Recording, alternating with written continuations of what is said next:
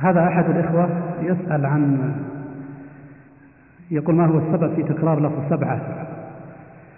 أيام الأسبوع سبعة والأراضين سبع والسماوات سبع وكذلك أيضا الجنة لها سبعة أبواب والنار سبعة أبواب إلى آخره.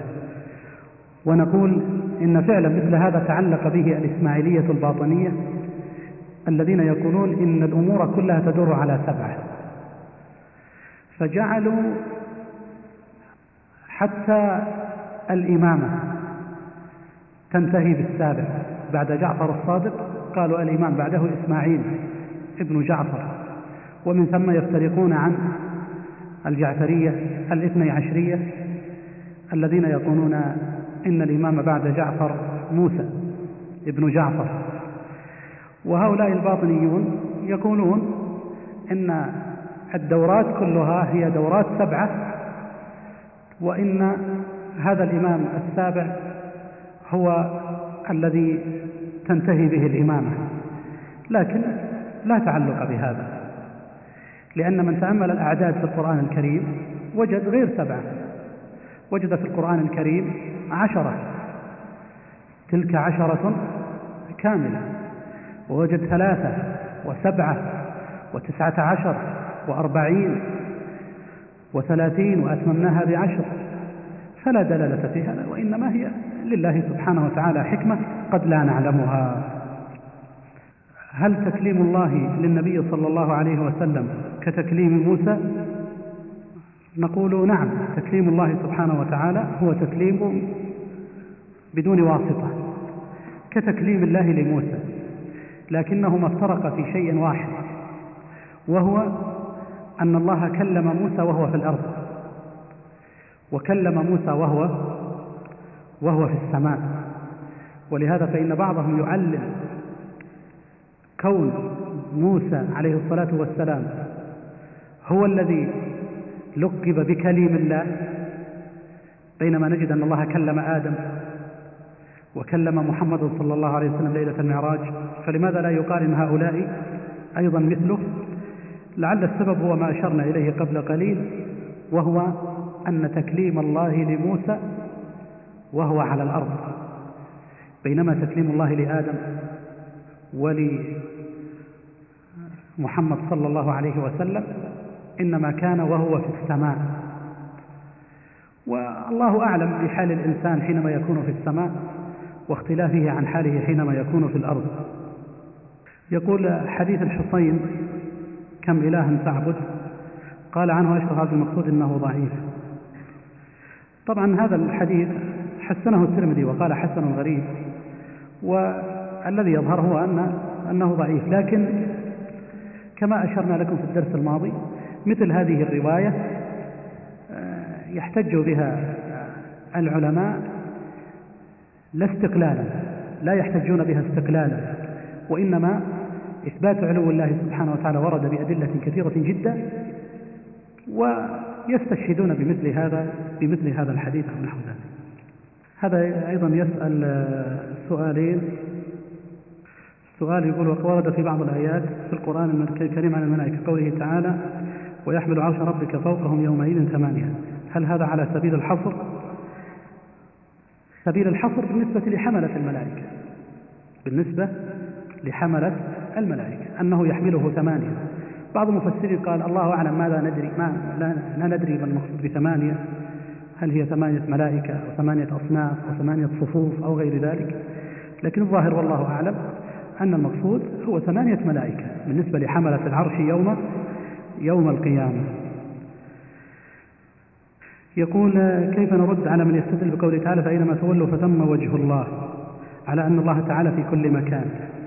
نقول نرد عليه أن هذه الآية إنما هي في القبلة أي أينما أينما تولوا في صلاتكم فإنما تستقبلون قبلة الله سبحانه وتعالى.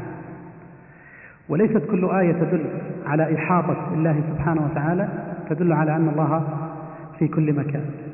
وإلا فهم قد احتجوا قبل ذلك بمثل قوله تعالى وهو الذي في السماء إله وفي الأرض إله فقال وقوله في الأرض إله يدل على أنه أيضا يكون في الأرض. وهذا لا حجة فيه. هذا يقول ما الفرق بين التشبيه والتمثيل والتكييف سبق بيان ذلك. فالتكييف واضح معناه أن يبين أو أن يقول إن كيفية الصفة كذا وكذا. أما التمثيل فهو أن يمثل صفة الله بصفات خلقه أو بالعكس.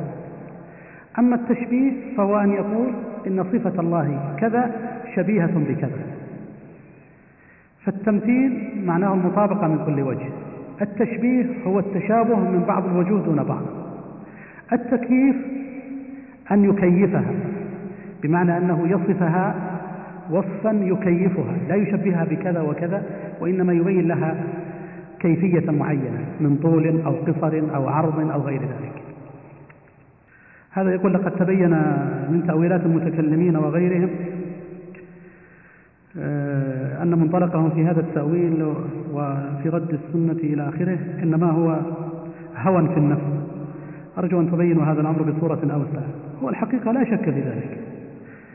لا شك أن أهل البدع إنما يسوقهم نسأل الله العافية الهوى. لكن هذا الهوى أحيانا يكون مبعثه شبهة أو تقليد أو غير ذلك.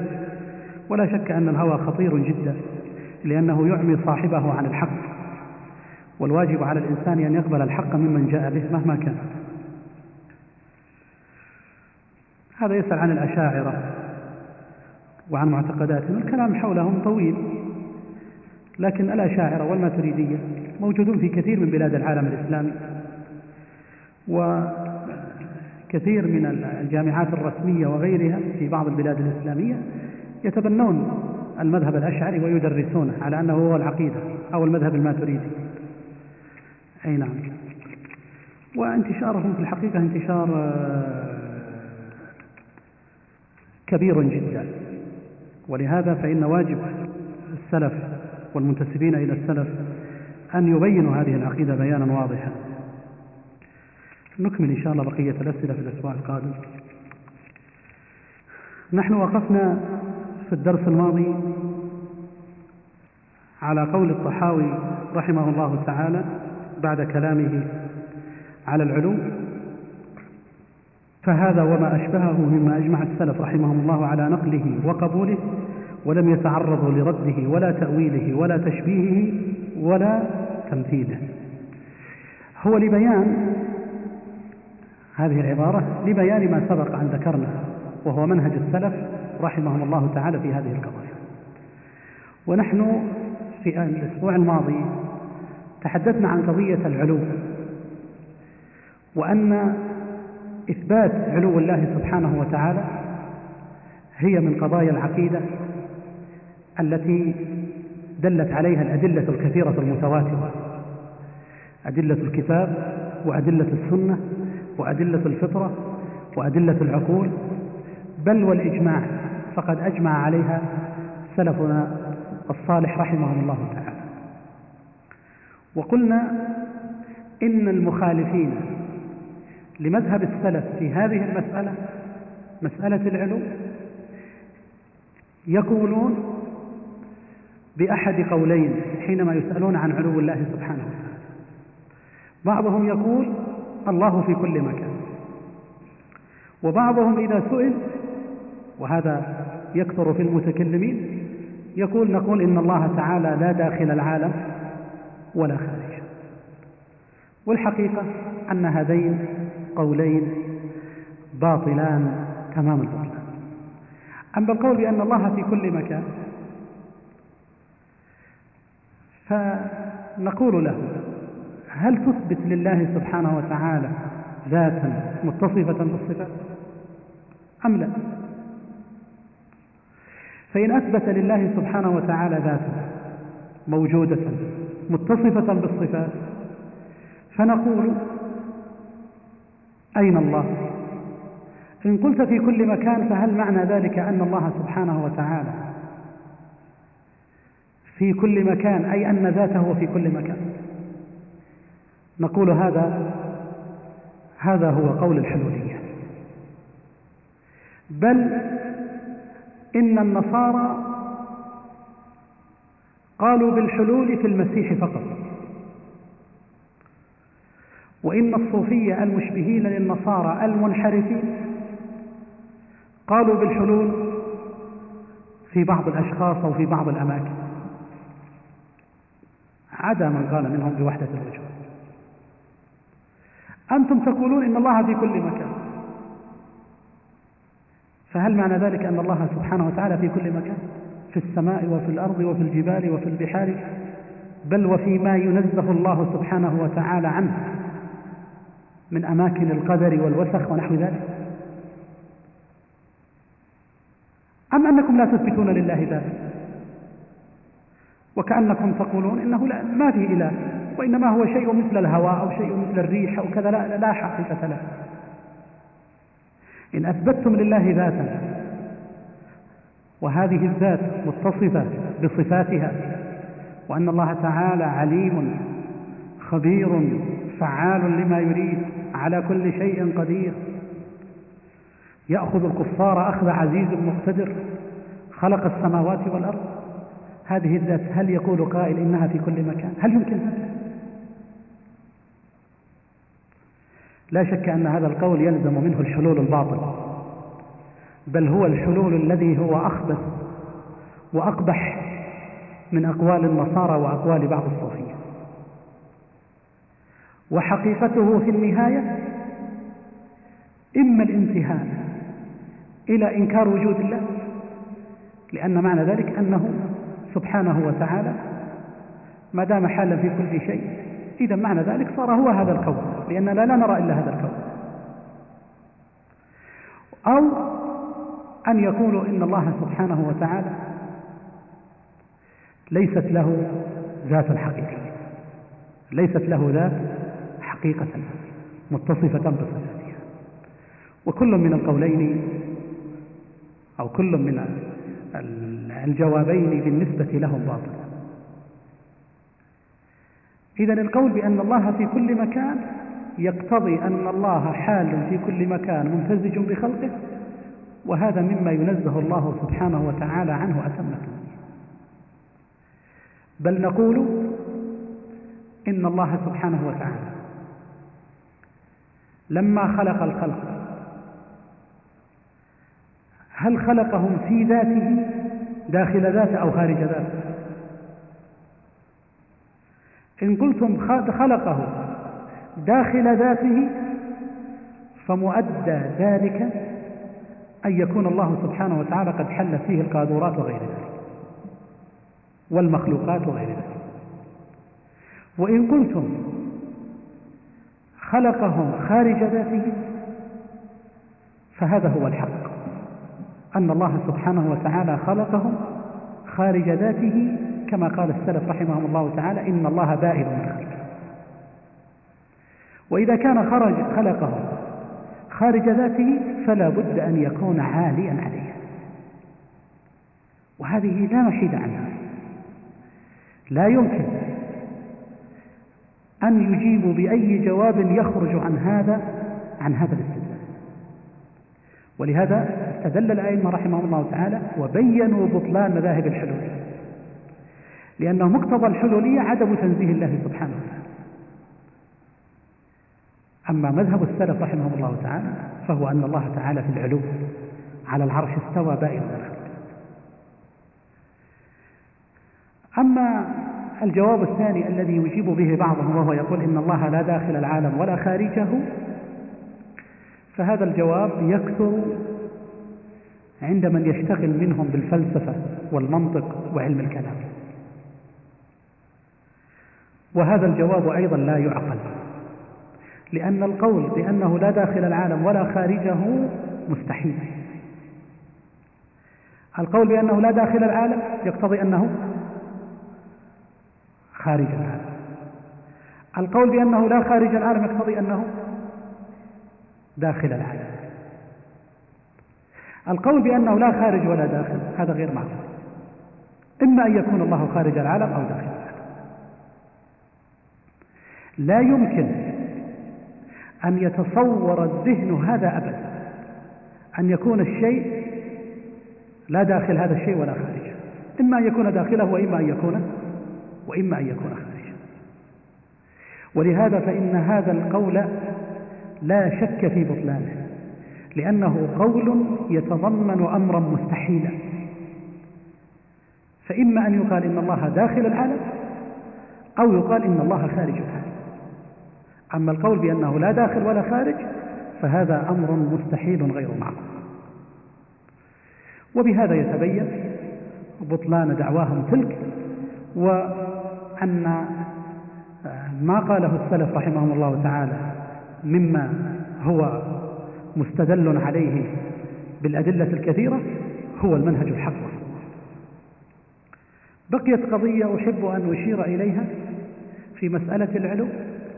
لأن بعض الناس سألني عنها في أكثر من مناسبة ولأنه قد يحيك في النفس منها شيء. ألا وهو ما قد يقوله البعض من أن الأرض كروية. فبعضهم يقول إن الأرض كروية وسواء كنت هنا أو في أوروبا أو في أمريكا أو في جهة اليابان فإن السماء من فوقك.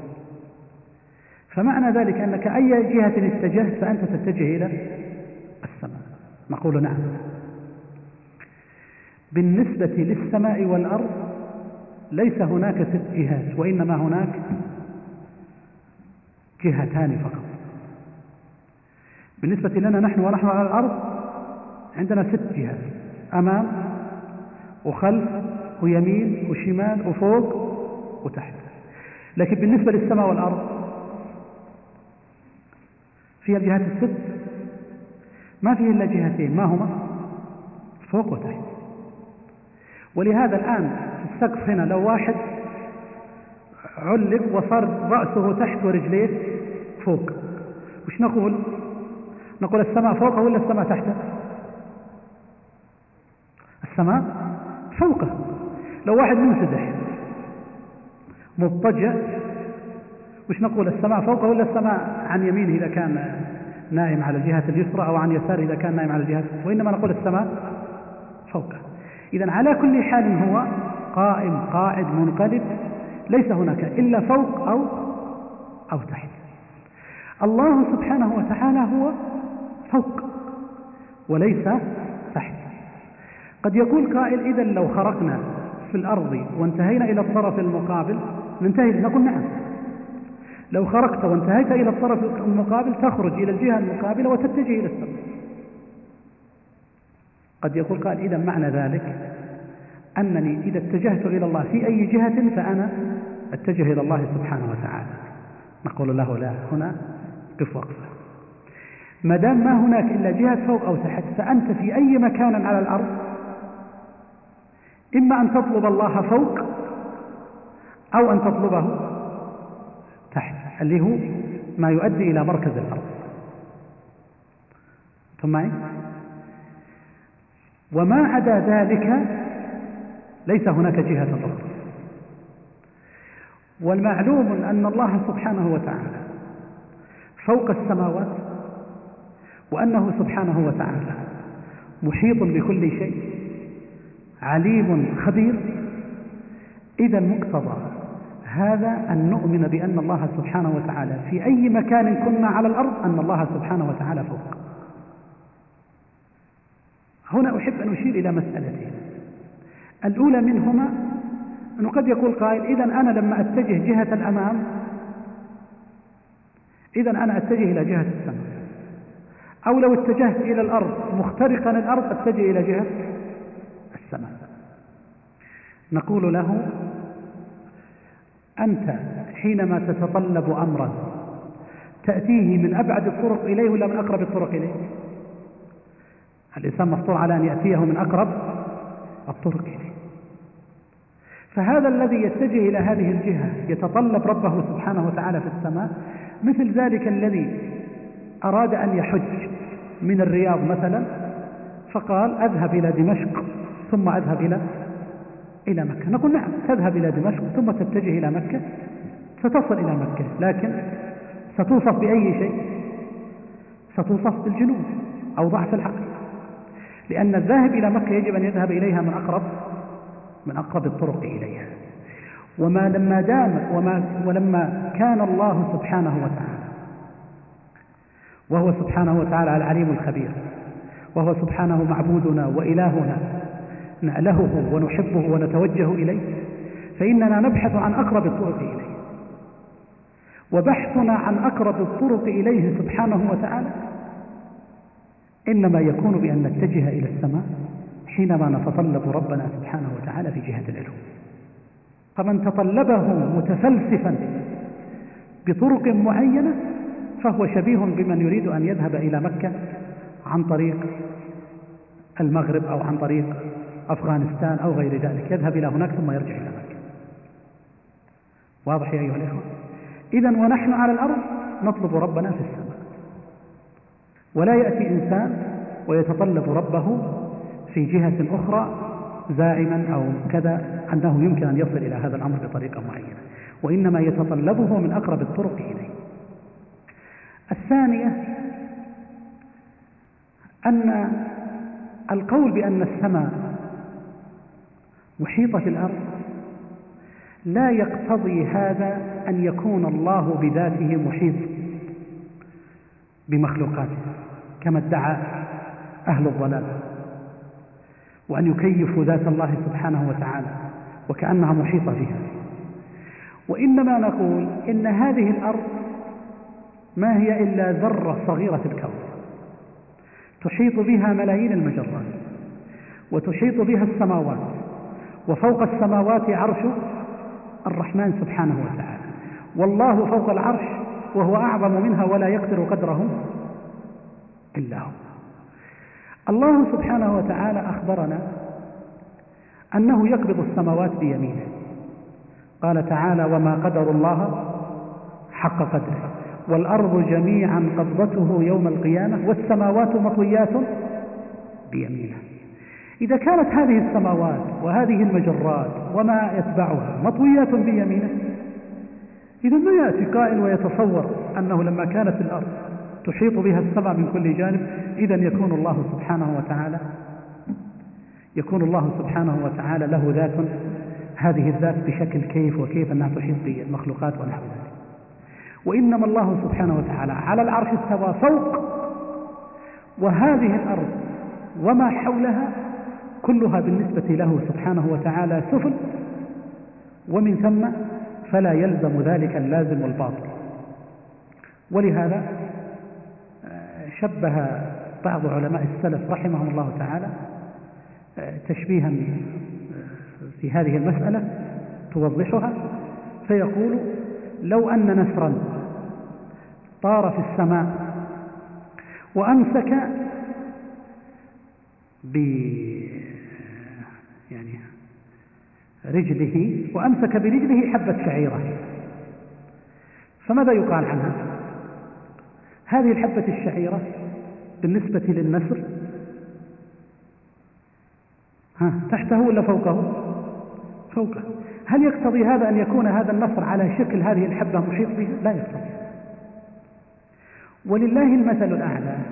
أخبرنا الله أن السماوات والأراضين كلها مقبوضة بيد الرحمن تبارك وتعالى. إذا هي لا تساوي شيئا. كما ورد في الحديث ما السماوات السبع والأراضين السبع؟ في يد الرحمن إلا كخردلة في يد أحدكم إذا الفهم الخاطئ في هذا الأمر نشأ من قصور العقل ونشأ من التشبيه. ظن الإنسان أن الله مثل ما نقول فلك أو جبل أو شيء من هذا حتى نبدأ نقيسه. بخلقه إذا كانت السماوات بمجراتها وملايين المجرات التي تذهل علماء الفلك هي في يد الرحمن كخردلة في يد أحد. إذا كيف نتصور ذلك التصور الساذج بل نقول سبحانك يا إلهنا ما أعظمك وما عبدناك حق عبادتك. ونؤمن بالله سبحانه وتعالى وبأسمائه وصفاته. ولا يخطر ببالنا أي شيء من هذه الخواطر ولهذا فهذه القضية التي نقررها واسمحوا لي ولو أننا دخلنا في بعض الدقائق لكن أردنا أن نزيل ما يعلق في الذهن مما يثيره بعض أهل الشبه من الذين ينكرون علو الله سبحانه وتعالى على خلقه. فالإيمان الصحيح بالله وأسمائه وصفاته وعظمته تجعل الإنسان يعبد ربا عظيما رحيما قديرا خبيرا. أحاط بكل شيء علما. يعبد ربا على العرش استوى استواء يليق بجلاله وعظمته. يعبد ربا لا تساوي هذه المخلوقات بالنسبة له شيئا. وإذا آمن بذلك أيقن يقينا تاما أنه لا يمكن إلا أن يكون الله في جهة العلو وأن أي اعتقاد مع ذلك من حلول كامل أو حلول محدد لشخص أو مكان أو قال إن الله لا داخل العالم ولا خارجه أو نحو ذلك ما هو إلا دوران حول أنواع من الشرك بالله. نسأل الله السلامة والعافية. ثم يقول الشيخ رحمه الله تعالى أيضا سئل الإمام مالك بن أنس رحمه الله تعالى فقيل يا أبا عبد الرحمن يا أبا عبد الله الرحمن على العرش استوى كيف استوى؟ الإمام مالك معروف أنه ولد سنة 93 هجرية وتوفي سنة 100 أو 79 هجرية. الإمام مالك رحمه الله تعالى عاصر بعض هذه البدع التي وجدت في عهده فدخل عليه في أحد الأيام رجل وهو في المسجد في الحلقة فقال يا أبا عبد الله الرحمن على العرش استوى كيف استوى؟ كيف استوى؟ إذا عندنا الآن هنا أمران. الأمر الأول أن السائل يعلم بأنه ورد في القرآن إثبات الاستواء وأنه دل عليه قوله تعالى الرحمن على العرش الثانية أن سؤاله إنما هو عن الكيفية. فقال كيف؟ استوى. لأن هذا سيفيدنا بعد قليل. إذا السائل يجهل أن الاستواء مذكور في القرآن أو لا يجهل؟ لا يجهل. لا يجهل أن الاستواء مذكور في القرآن. ثانيا أن السائل إنما سأل عن كيفية لماذا نقول هذا الكلام؟ لأن جواب الإمام مالك فسره المخالفون لأهل السنة والجماعة تفسيرا خاطئا. الإمام مالك قال الاستواء معلوم. هنا قال الاستواء غير مجهول. في بعض الروايات أنه قال الاستواء معلوم. والكيف مجهول. وفي بعض الروايات وهنا قال والكيف غير معقول. والإيمان به واجب والسؤال عنه بدعة. انتبهوا معي. الإمام مالك قال الاستواء غير مجهول يعني الاستواء ومعنى الاستواء. كما نفقهه ونحن خوطبنا باللغة العربية هذا الاستواء معلوم لنا غير مجهول. لكن ما هو الشيء الذي لا نعقله ونجهله؟ هو الكيف. كيفية الاستواء لا نعلم ذلك. لأننا لا نعلم ذاته فكذلك أيضا لا نعلم صفاته سبحانه وتعالى. بعض الذين ينكرون استواء الله ويتأولونه بالاستيلاء يجيبون عن هذا وش يقول لك؟ يقول لك فقال الإمام مالك الاستواء معلوم أي غير مجهول يعني يعني معلوم يعني مذكور في القرآن. الاستواء معلوم يعني مذكور في القرآن. نقول له لو كان قصد الإمام مالك أن الاستواء مذكور في القرآن لاكتفى بالسائل لأن السائل أولا قال يا أبا عبد الله الرحمن على العرش استوى كيف استوى؟ ولكان قوله الاستواء غير مجهول أو الاستواء معلوم. كلام لا قيمة له. نعم. أنا ما سألتك إلا وأنا أعلم أن الاستواء مذكور في القرآن. لكن أراد الإمام مالك قضية إثبات وبيان قضية في منهج السلف رحمهم الله تعالى ألا وهي أن الاستواء معلوم أي نحن نعلم معنى الاستواء بما خوطبنا به في اللغة العربية.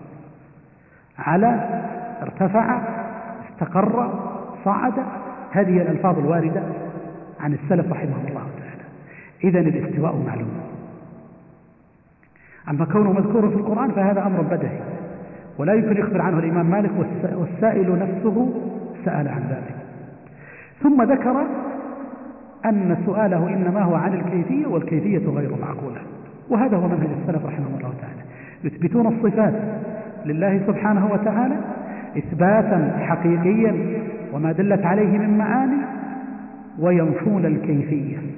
يقولون إن الكيفية لا يعلمها إلا الله سبحانه وتعالى. ثم قال والإيمان به واجب أي الإيمان وإثبات الاستواء واجب على منهج السلف الصالح رحمه الله تعالى. ولا يجوز تأويله والسؤال عنه بدعة. أي السؤال عن كيفية الاستواء بدعة. وليس المقصود به أن السؤال عن إثبات صفة الاستواء أنتم معنا يا أخوان؟ السؤال عن كيفية الاستواء البدعة ولا السؤال عن إثبات صفة الاستواء؟ عن كيفية الاستواء. عن كيفية الاستواء. لأنه ورد عن النبي صلى الله عليه وسلم مثلا حديث قال فيه إذا ذكر القدر فأمسكوا إذا ذكر القدر فأمسكوا وإذا ذكر أصحابي فأمسكوا هل معنى ذلك أننا ما نتكلم عن الإيمان بالقدر ولا نتكلم عن فضل الصحابة؟ لا. وإنما المقصود إذا ذكر القدر وخاض فيه الخائضون في الباطل فأمسكوا وكلوا الأمر إلى الله سبحانه وتعالى. لا تخوض فيه. لكن إثبات الإيمان بالقدر هذا أصل من الأصول دلت عليه الدلائل. بل هو ركن من أركان الإيمان قال فيه النبي صلى الله عليه وسلم لما عدت وتؤمن بالقدر خيره وشره. إذا هنا أمسكوا عين الخوض فيه بالباطل مثله الصحابة. هل معنى ذلك أننا ما نذكر الصحابة بشيء أبدا؟ لا.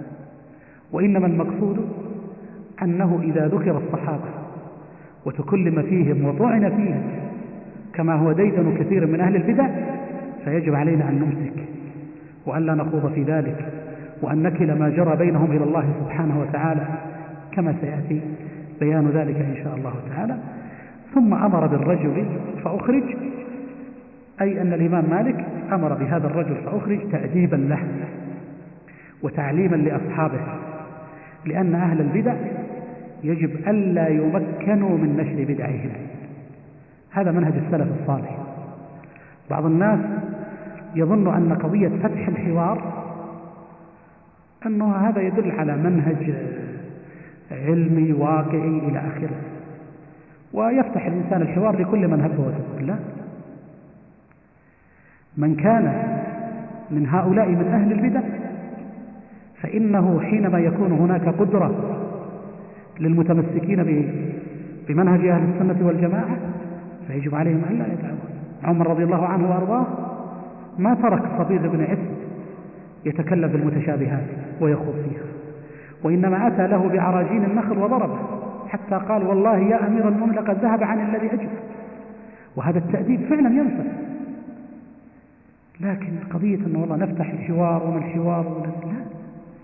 لكن إذا وجدت البدعة وابتلي بها المسلمون وما صار للمسلمين من أهل السنة والجماعة قدرة على منعهم باليد هنا يجب الرد عليه ومناقشته. لا أن نفتح نحن الحوار ونقول تعالوا انشروا بدعكم. لأنكم تعلمون جميعا أن البدعة أحيانا يصوغها صاحبها ولا يستطيع الجواب عنها فتثير في النفس فتثير في النفس شكا وريبا. فكيف إذا كان هذا أحيانا يقع عند المتعلمين؟ كيف بالعوام؟ كيف بالنساء؟ كيف بغيره تصور أنه مثلا والله إحدى البدع تقام في التلفزيون ويشاهدها الأطفال والنساء وغيره تقول خلاص نفتح نفس حوار وهذا يناقش وهذا يرد وهذا يناقش. لا شك أنه سيؤدي إلى بلاء عظيم. منهج السلف الصالح رحمه الله تعالى بيان الحق بيان العقيدة بيان صفائها بأدلتها حتى تؤمن النفس ويصفو إيمانها. ولا يخوضون في ذلك إلا عند الضرورات وعند الحاجة وحينما يكون هناك خطر لا يمكن رده إلا بالنقض والرد كما فعل أئمة السلف رحمهم الله تعالى في القرون التالية في القرن الثالث والرابع وما بعده. ثم قال رحمه الله تعالى ومن صفات الله تعالى وهنا بدأ الشيخ يتكلم عن إثبات صفة الكلام لله. ذكر قبل ذلك بعض الصفات وعقبها بصفة العلو والاستواء ثم ذكر الآن صفة كلام الله سبحانه وتعالى. ومن صفات الله تعالى أنه متكلم بكلام قديم. قديم لفظة قديم هنا. بعض العلماء يرى أن الله سبحانه وتعالى لم يرد وصفه بالقدم. لأن القديم في اللغة العربية هو المتقدم على غيره. والله سبحانه وتعالى ليس له غير حتى يقال إنه متقدم متقدم عليه. ومن ثم قالوا إن الأولى وصفه تعالى بالأزلي والأصح منه أيضا الاسم الشرعي الأول الذي ليس قبله الذي ليس قبله شيء. لكن ورد في حديث عن النبي صلى الله عليه وسلم أنه قال في سنن أبي داود وهو حديث صحيح من قال حين يدخل المسجد أعوذ بالله العظيم وسلطانه القديم وسلطانه القديم. فهذا يدل على أن القديم قد يستعمل أحيانا في في الأزلي في مقابل الأزلي. الشيخ هنا يقول أنه متكلم بكلام قديم وقوله قديم أي أزلي. وأهل السنة والجماعة يثبتون لله سبحانه وتعالى صفة الكلام على ما يليق بجلاله وعظمته. لكنهم يقولون إن كلامه تبارك وتعالى قديم النوع حادث الأحد. لأن الكلام من صفات الأفعال. ما معنى كونه من صفات الأفعال؟ أي أنه تبارك وتعالى يتكلم إذا شاء متى؟ متى شاء. فهو سبحانه وتعالى متصف بصفة الكلام أزلا. وهو سبحانه وتعالى متكلم يتكلم بإرادته ومشيئته. يتكلم سبحانه وتعالى بإرادته ومشيئته. ولهذا قال العلماء هو قديم النوع حادث الأحد. قديم النوع أي أن الله متصف بهذه الصفة أزلا حادث الآحاد أي أن الله يتكلم إذا شاء متى متى شاء. وهذه الصفة أثبتها السلف رحمهم الله تعالى وأثبتها الأشاعرة لأنهم يثبتون الصفات السبع ومنها صفة ومنها صفة الكلام. لكن إثبات السلف رحمهم الله تعالى لها هو الإثبات الموافق للنصوص. أما إثبات أولئك لها فهو مخالف لما دلت عليه النصوص. ومن هنا فإننا حتى نبين مذهب السلف في كلام الله نذكر قول المعتزلة وقول الأشاعرة. لأن هذه القضية هي التي بني عليها القول بخلق بخلق القرآن. فعند المعتزلة أن كلام الله تعالى هو أمر أو شيء منفصل عنه فهو مخلوق. فهم يقولون إن الله لا تقوم به صفة الكلام. هذا كلام من؟ المعتزلة. أن الله لا تقوم به صفة الكلام. إذا هذا الكلام وهذا القرآن قالوا هذا من جنس مخلوقاته. كما أنه خلق السماوات والسماوات منفصلة عنه كذلك أيضا تكلم بالقرآن والقرآن مخلوق منفصل عنه ومن ثم قالوا القرآن مخلوق. لأنهم لا يثبتون لله صفة الكلام التي تقوم به تبارك وتعالى. هذا مذهب من؟ مذهب المعتزلة. الأشاعرة في مقابل ذلك قالوا لا نثبت لله صفة الكلام. لكن الكلام هو الكلام النفسي القائم بذاته ولا ينفصل عنه. الكلام القائم به وهو الكلام النفسي ولا ينفصل عنه. إذا هما عيش قولان متضادان. قولان متضادان. المعتزلة لا تقوم به صفة الكلام وكلامه من جنس مخلوقاته فهو مخلوق منفصل عنه. هؤلاء يقولون لا الله تقوم به صفة الكلام وكلامه لا ينفصل عنه. وكلامه لا ينفصل عنه. كيف لا ينفصل عنه؟ لا ينفصل عنه يقولون إن الله سبحانه وتعالى متصف بصفة الكلام أزلا وأن كلامه قائم بذاته وأن الكلام هو ما قام في النفس فقط. هو ما قام في النفس فقط. ومن ثم قالوا إنه بغير حرف وبغير صوت. هذا كلام من؟ إذن الكلام هو الكلام الذي هو في داخل النفس. الذي هو في داخل النفس مثل ما تقول خواطر النفس. لكن ليس هناك كلام بحرف وصوت مسموع. هذا الوصف جعلوه لله سبحانه وتعالى. فقالوا الكلام بالنسبة لله هو الكلام القائم بذاته الكلام النفسي ليس بحرف ولا صوت. ومن ثم فإنه لا يسمع منه ولا ينقل ولا يتلقى عنه تبارك وتعالى. نوضح هذا أنه قيل لهم طيب هذا القرآن اللي هو المصحف. ما هو؟ إذا قلتم إن الكلام يقوم بالله لا ينفصل عنه هذا المصحف ما هو؟ ماذا تقولون عنه؟ قالوا هذا المصحف ليس كلام الله. هذا المصحف هو عبارة عن كلام الله أو حكاية عن كلام الله. يعني نوع من الإلهام عبر عنه جبريل بهذا التعبير. بل بعضهم قال عبر عنه محمد. انتبهوا لخطورة القضية. نحن نطعن في المستشرقين وغيرهم المبشرين الذين يقولون القرآن من محمد.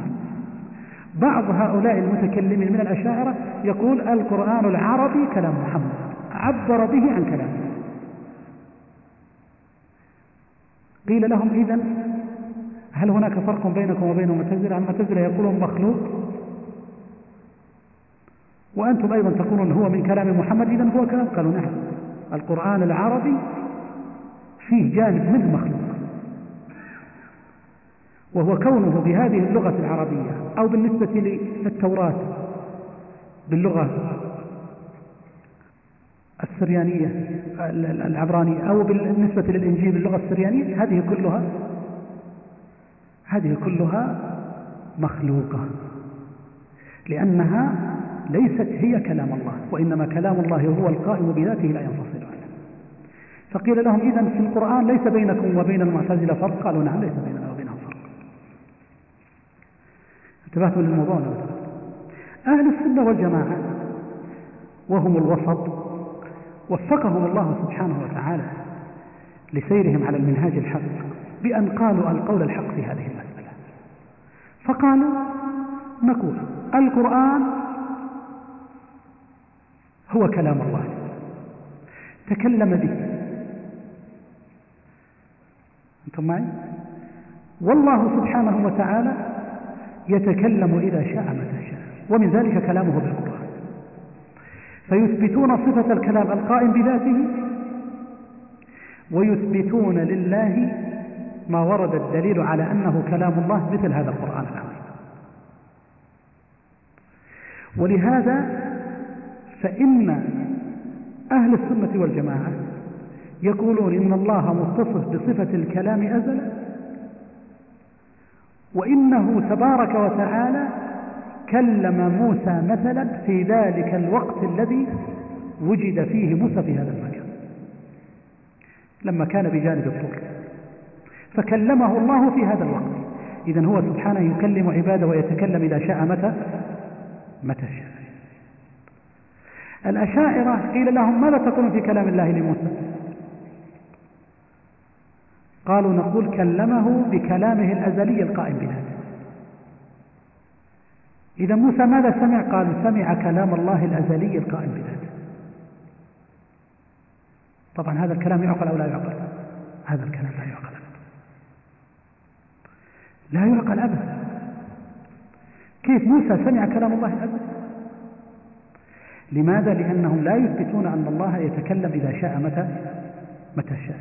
وعندهم أن كلام الله سبحانه وتعالى لا ينفصل عنه أبدا وإنما هو الكلام النفسي. أهل السنة والجماعة يقولون الله يتكلم وكلامه سبحانه وتعالى تسمعه الملائكة ويبلغونه. كلامه تبارك وتعالى أحيانا يكتب في الصحف يكتب في اللوح المحفوظ هذا القرآن هو كلام الله مكتوب في المصاحف وهو كلام ولهذا فإن الكلام إنما هو لمن تكلم به مبتدئا. فالقارئ للقرآن مثلا كما سيأتينا القارئ للقرآن هو يتلو القرآن بصوته. أليس كذلك؟ لكن هذا القرآن كلام من؟ كلام الله تعالى. مثلا لو جاء واحد وقرأ عليها معلقة لامرئ القيس مكتوبة في الصحيح ويقرأها. وش نقول نقول هذا هو الذي قال معلقة امرئ القيس؟ أو نقول المعلقة لمن؟ الشعر لامرئ القيس وهذا نقلها إلينا أو قرأها علينا أو نحو ذلك. لأن الكلام من قاله مبتدئا. الله سبحانه وتعالى تكلم بالقرآن وهذا القرآن نقل إلينا وحفظه جبريل وتلقاه محمد وتلقاه الصحابة وكتبه. فهو كلام الله سبحانه وتعالى. إذا القضية التي أساسها معنا هنا هي إثبات صفة الكلام لله. وأن الله سبحانه وتعالى متصف بصفة الكلام أزلا وأنه يتكلم إذا شاء متى شاء. كلم آدم في وقت خلق آدم. كلم موسى في وقت وجود موسى.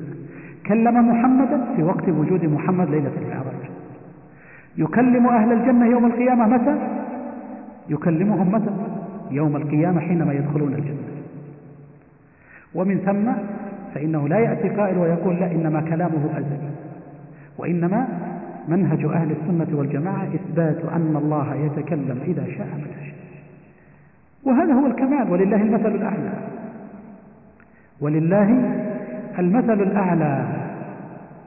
الآن لو فرضنا ثلاثة رجال واحد منهم أخرس لا يتكلم. والثاني يهذر الكلام ليلا ونهارا لا يسقط أبدا. والثالث عنده قدرة على الكلام لكن يتكلم بعقل إذا شاء متى شاء مع المناسبة. أي الثلاثة؟ أكمل. أيهم أكمل؟ الأول الأخرس قد نتفق على أنه قد نتفق على أنه صفة نقص لأنه لا يتكلم. لكن لو جاءنا واحد وقال لك لا شوف هذا المهذار اللي يتكلم ليل ونهار دليل على دليل على أنه أحسن من ذلك الذي يتكلم مرة ويسكت مرة. نقول أيهما أكمل؟ لا شك أن الأكمل هو هو الأخير. الذي يتكلم إذا شاء هذا بالنسبة للمخلوق. ولله المثل الأعلى. وقد دلت على ذلك النصوص التي لا تعد ولا تحصى. تدل على أن الله سبحانه وتعالى متصف بصفة الكلام وأنه يتكلم إذا شاء متى يتكلم تبارك وتعالى إذا شاء متى شاء وأن هذا من كماله. فمن كماله تبارك وتعالى أنه كلم موسى في هذا الوقت الذي كان فيه موسى بجانب الطور كلاما سمعه موسى عليه وعلى نبينا أفضل الصلاة والسلام وهذا هو الكمال. أما القول بأنه لا يتكلم هذا صفة نقص. القول بأنه لا يتكلم بمشيئته وإرادته هذا أيضا صفة صفة نقص. والله سبحانه وتعالى متنزه ومنزه تبارك وتعالى عن النقائص ومن صفات الله تعالى أنه متكلم بكلام قديم قلنا لكم قديم النوع حادث الآحاد يسمعه منه من شاء من خلقه. إذا أراد سبحانه وتعالى كلم عباده فيسمعهم كلامه. ولهذا مثل الشيخ رحمه الله بقوله سمعه موسى عليه الصلاة عليه السلام منه من غير واسطة. وهذا صحيح. وهذا بنص القرآن. وهذا دل عليه نص القرآن العظيم. أن الله كلم موسى تكليما وجاءت بصيغة التأكيد وكلمه تكليما. ولما جاء موسى آه، بعض أهل البدع وكلم الله موسى قال لو أنني بحثت عن قارئ يقرأ بنصب لفظ الجلالة. يقصد ماذا؟ وكلم الله موسى. حتى يثبت أن الذي أن موسى هو الذي كلم يريد أن ينفي عن الله صفة الكلام. فقال له هذا الإمام من الأئمة فقال له هذا الإمام من أئمة القراء من أهل السنة. هب أننا بحثنا له عن تأويل أو قول باطل وقرأنا له بنص الجلالة ماذا سيصنع بقوله تعالى ولما جاء موسى لميقاتنا وكلمه ربه؟ ما يمكن. ماذا يصنع به؟ ما في إلا يماحل في الآية ولا يفعل بها تقديم وتأخير. أما يبي يجيب فقط من باب الشكل ضمة بدل فتحة أو نحو ذلك أو فتحة بدل ضمة. ويحل بها المشكلة هذه الآية لا يمكن إذا سمع موسى كلام الله سبحانه وتعالى مباشرة. وأيضا سمعه جبريل عليه السلام ومن أذن له من ملائكته ورسله. ومن أذن له من ملائكته؟ نعم هذا أيضا ثبت في الأحاديث الصحيحة. ومنها ما رواه مسلم في صحيحه عن النبي صلى الله عليه وسلم وفيه ولكن ربنا إذا قضى أمرا سبح حملة العرش ثم يسبح أهل السماء الذين يلونهم حتى يبلغ التسبيح أهل السماء الدنيا. فيقول الذين يلون حملة العرش لحملة العرش ماذا قال ربكم فيخبرونه. فهذا يدل على أن جبريل وعلى أن الملائكة يسمعون كلام الله سبحانه وتعالى. إذا هو تبارك وتعالى يتكلم بكلام مسموع. وأيضا رسل الله سمعوا كلامه كما في قصة موسى وكما في قصة محمد صلى الله عليه وسلم فإن الله كلمه كفاحا ليلة المعراج وهذا ثابت في الصحيحين وغيرهما. ثم قال وأنه سبحانه يكلم المؤمنين في الآخرة. وهذا أيضا ورد في الصحيحين وغيرهما.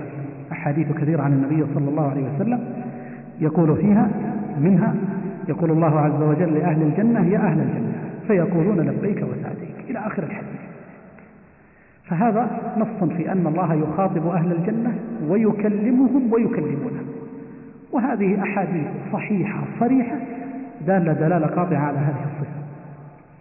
ثم أيضا قال يكلم المؤمنين في الآخرة ويكلمونه. يقولون لبيك وسعديك. ويأذن لهم فيزورونه. ويأذن لهم فيزورونه. وهذا ورد في حديث عن النبي صلى الله عليه وسلم أنه قال إن أهل الجنة إذا دخلوا فيها نزلوا بفضل أعمالهم.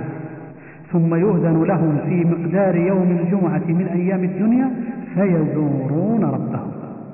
فيزورون ربهم. وهذا رواه الترمذي وابن ماجه لكنه حديث ضعيف. لكنه حديث ضعيف. إنما الثابت أن الله يكلم أهل الجنة ويكلمونه وهذا ورد في الأحاديث في الأحاديث الصحيحة عن النبي صلى الله عليه وسلم. ثم ذكر الأدلة على ذلك فقال قال الله تعالى وكلم الله موسى تكليما. هنا الطبعة التي معنا فيها حذف لفظ الجلالة. وكلم الله موسى تكليما وقوله تكليما مصدر تأكيدي في أن هذا في أن هذا التكليم إنما هو تكليم حقيقي. ما قال وكلم؟ قال وكلم الله موسى تكليما فهو مصدر مؤكد لهذا التكليم. وقال سبحانه أن الله سبحانه وتعالى قال يا موسى إن اصطفيتك على الناس برسالاتي وبكلامي. وهذا يدل على أن الله كلمه بكلام سمعه كلام مفهوم. إن اصطفيتك واخترتك على الناس برسالاتي وبكلامي. وهذا يدل على أمرين. الأمر الأول أن الله كلمه بذلك وقال له يا موسى إن اصطفيتك. الأمر الثاني أن الله اصطفاه برسالته واصطفاه بكلامه ولهذا سمي موسى كليم الله سبحانه وتعالى. وقد ذكرنا في بداية هذا الدرس أن العلة والعلم عند الله تعالى في تسمية موسى كليم الله مع أن الله كلم محمدا وكلم آدم أن الله كلمه على الأرض وهو على طبيعته البشرية. بخلاف تكليم الله لآدم فإنه وهو في السماء. وتكليم الله لمحمد وقد عرج بروحه وجسده إلى السماء. أما تكليمه لموسى فهو على الأرض ولعل هذه خصوصية لموسى عليه وعلى نبينا أفضل الصلاة والتسليم. وقال سبحانه وتعالى منهم من كلم الله عن الرسل عن رسل الله سبحانه وتعالى. تلك الرسل فضلنا بعضهم على بعض. منهم من كلم الله. وهذا واضح. وقال سبحانه وتعالى وما كان لبشر أن يكلمه الله إلا وحيا أو من وراء حجاب أو يرسل رسولا. فقوله إلا وحيا في هذه في هذه الآية ما المقصود بها؟ الوحي عن طريق جبريل؟ ولا الوحي الذي هو كلام الله مباشرة؟ نعم في هذه الآية لا يقصد به إلا كلام الله مباشرة. لماذا قال؟ لأنه قال أن يكلمه الله إلا وحيا. ثم قال بعد ذلك أو من وراء حجاب أو يرسل رسولا فيوحي بإذنه ما يشاء. فهذه التقسيمات الثلاثة تدل على أن قوله إلا وحيا هو تكليم الله سبحانه وتعالى مباشرة. تكليم الله لعبده مباشرة. وقال سبحانه وتعالى فلما أتاها نودي يا موسى إني أنا ربك. فلما أتاها أي النار نودي. والنداء إنما يكون بصوت. لا يمكن أن يكون النداء إلا بصوت. من الذي ناداه؟ نودي يا موسى إني أنا فالذي ناداه وكلمه هو الله سبحانه وتعالى. وهذه الآية نص صريح في إثبات كلام الله لموسى وأن كلامه له بصوت سمعه. موسى ولهذا قال سبحانه وتعالى إنني أنا الله لا إله إلا أنا فاعبدني. إنني أنا الله لا إله إلا أنا فاعبدني. أي من تكليم الله لموسى أنه قال إنني أنا رب إني أنا ربك فاخنعنا عليك. وأيضا من تكليم الله له أنه قال إنني أنا الله لا إله إلا أنا فاعبدني. بعض الذين تأولوا صفة الكلام لله يقول إن الكلام كلام ملك. إن الذي كلم موسى عن طريق ملك أو عن طريق الشجرة أن الشجرة هي التي سمع منها الكلام. وهذا التأويل تأويل باطل ما دليل بطلانه هنا؟ هل يمكن أن تقول الشجرة إنني أنا الله؟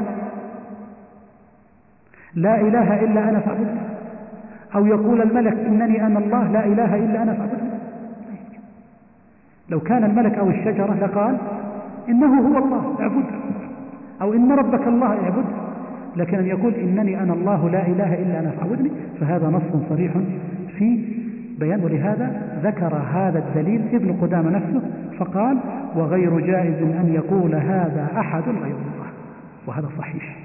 لا يجوز أن يقول هذا الكلام أحد غير الله سبحانه وتعالى. ونكتفي بهذا وعندنا بعض الأسئلة لكن نجيب عليها إن شاء الله تعالى في الدرس القادم. ونسأل الله سبحانه وتعالى أن يوفقنا وأن يهبنا علما نافعا وعملا صالحا وصلى الله وسلم على نبينا محمد.